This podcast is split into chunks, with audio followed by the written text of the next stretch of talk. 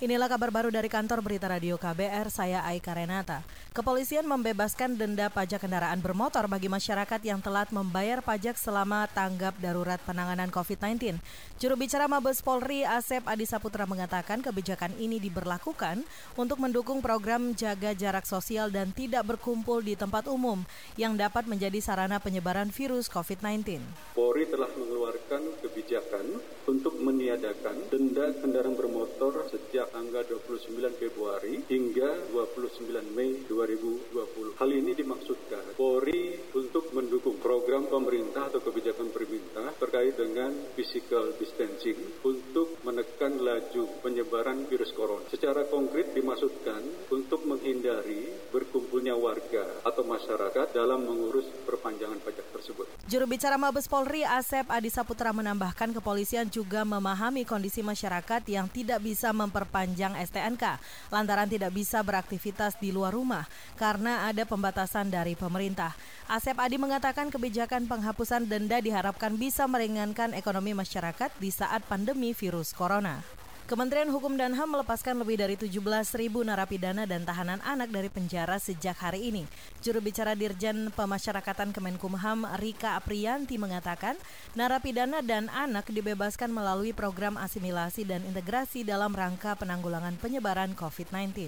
Hari ini tanggal 2 April 2020 sudah dikeluarkan dengan asimilasi rumah dan dibebaskan dengan program integrasi yaitu PBCB dan CE BND adalah sebanyak total 17.078 narapidana dan anak dengan rincian asimilasi 11.097 orang dan integrasi PBCB dan CND sebanyak 5.981 orang. Juru bicara Dirjen Pemasyarakatan Kemenkumham Rika Aprianti menambahkan narapidana dan tahanan anak itu dibebaskan melalui program pemberian pembebasan bersyarat, cuti bersyarat, dan cuti menjelang bebas. Namun Kementerian Hukum dan HAM belum mengkategorikan mengkategorikan lapas di wilayah mana yang paling banyak mengeluarkan atau membebaskan narapidana dan tahanan anak. Kita beralih, Badan Perlindungan Pekerja Migran Indonesia BP2MI mencatat lebih dari 32 ribu pekerja migran Indonesia pulang dari negara-negara terdampak wabah virus corona. Pelaksana tugas PLT Kepala BP2MI Tatang Utama Razak memastikan kepulangan puluhan ribu pekerja migran itu tertangani dengan baik, mulai dari aspek kesehatan dan sosial. BP2MI juga mengantisipasi penanganan pekerja migran yang akan pulang ke tanah air dalam waktu dekat.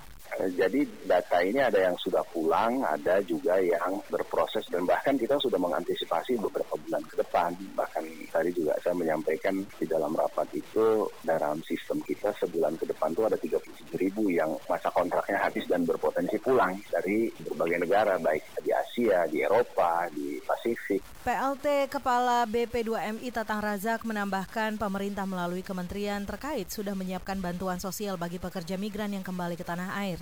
Selain itu untuk pekerja migran yang terdampak penguncian wilayah atau lockdown di Malaysia, pemerintah Indonesia juga telah memberi bantuan sembako untuk pekerja yang sudah tidak memiliki pekerjaan, tidak bisa pulang dan tidak punya uang.